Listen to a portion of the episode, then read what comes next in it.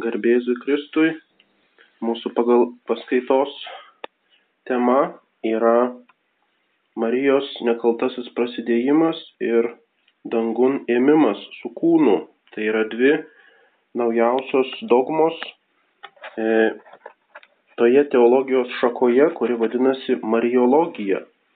Kokia yra Mariologijos vieta bendraime teologijos kontekste, kaip žinome, dogminė teologija yra mokslas apie Dievą. Teologija - mokslas apie Theos, tai yra Dievą. Jis skiriasi į dvi dalis - apie Dievą kaip tokį, tai yra vieną Dievą ir Dievą švenčiausioje trybėje ir antroji dalis apie Dievo veikimą, kuris yra dviejopas, tai yra apie tvėrimo darbą, Dievas tvėrėjas ir tvariniai ir taip pat apie puolusių kūrinių išganimą arba atpirkimą. Tai yra Dėjo redemptorė, Jėzus Kristus išganytojas. Išganimą įvykdė įsikūnijęs antrasis švenčiausios trybės asmuo Jėzus Kristus. Ir pirmiausia, teologija masto apie Kristaus asmenį, tai yra įsikūnymo paslaptis, vadinamoji ipostatinė unija, asmeninė sąjunga tarp dievystės ir žmogystės ir po to apie Kristaus išganomąjį darbą, e, nuo kurio atskiriamos platesnės temos apie malonę, apie bažnyčią, apie sakramentus. Ir tiek mąstydami apie Kristaus asmenį, tiek apie jo išganomąjį darbą, neįmanoma abstrahuotis nuo dar vieno asmens, kuris yra esmingai su tuo susijęs, tai yra nuo švenčiausios mergelės Marijos. Ir todėl Mariologija yra integrali kristologijos dalis. Mąstydami apie Mariją mes pagiliname mąstymą apie Kristų, tad ir apie Dievą ir todėl sveika Mariologija visuomet išlieka kristocentriška ir teocentriška. Jos visiškai neįmanoma atskirti nuo mąstymo apie Kristų ir apie Dievą. Ir štai mąstydami apie Mariją, tame traktate Mariologijos vėlgi skiriame dvi dalis. Pirmoji dalis yra apie Marijos kilnumą, apie jos esminį pašaukimą. Tai yra apie Mariją kaip Dievo motiną. Ir po to antroji dalis yra apie papildomas tą kilnumą ir tą misiją, tai yra Marijos motinystę lydinčias Marijos privilegijas. E, tarp šitų privilegijų, tų privilegijų skiriamos penkios, tai yra Marijos šventumas, Marijos mergystė, e, antepartum, inpartu, postpartum, tai yra prieš gimdymą, gimdymo metu ir po gimdymo. Čia taip pat yra Šventų Juozapo rolė, Šventosios šeimos teologija.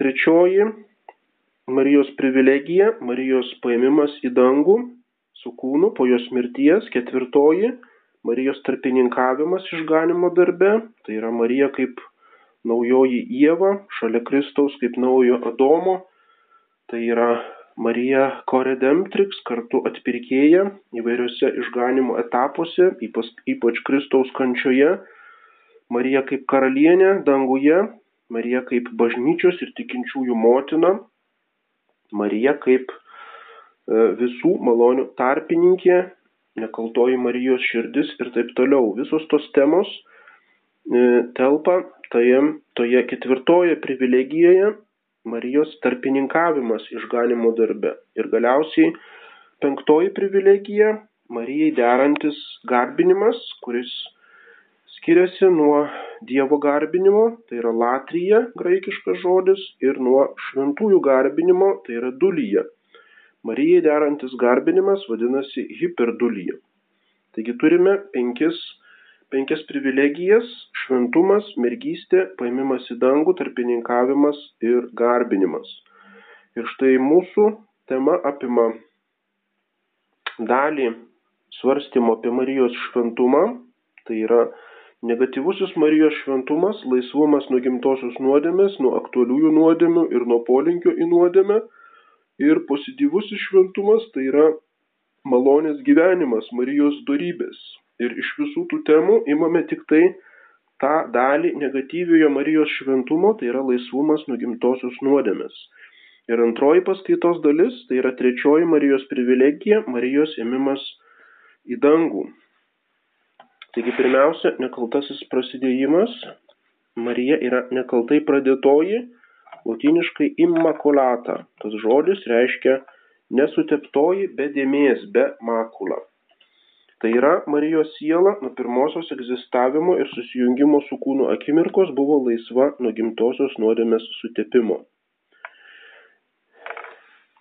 Palaimintasis Pijus IX Bulė Inefabilis Dėjus 1854 metai.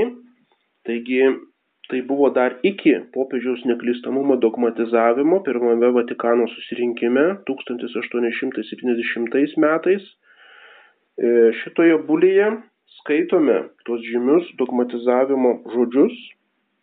Mes nutarėme, apibrėžiame ir skelbėme kad doktrina, kuri moko, kad palaimintoji mergelė Marija pirmąją savo prasidėjimo akimirką ypatinga visagalio Dievo malonė ir privilegija, numatant Jėzaus Kristaus žmonių giminės išganytojo nuopelnus, buvo apsaugota ir atleista nuo bet kokios gimtosios nuodėmės dėmės, kad šita doktrina yra apreikšta Dievo ir todėl visi tikintieji turi ją tvirtai ir nuolat tikėti. Ir vėliau dar pridedama, pridedama e, žodžiai tie, jei kurie nors nedaug dievė turėtų įžulumo galvoti priešingai mūsų definicijai, tie būna jie iš anksto įspėti ir tegu žino, kad pasmerkti savo pačių nuosprendžio jie prarado tikėjimą ir liovėsi buvę bažnyčios vienybėje. Ir be to, kad jie pačiu faktu užsitraukia teisinės bausmes, jei tai, ką galvoja, drįsta išreikšti gyvų žodžių, raštu ar bet kokiu kitu išoriniu būdu.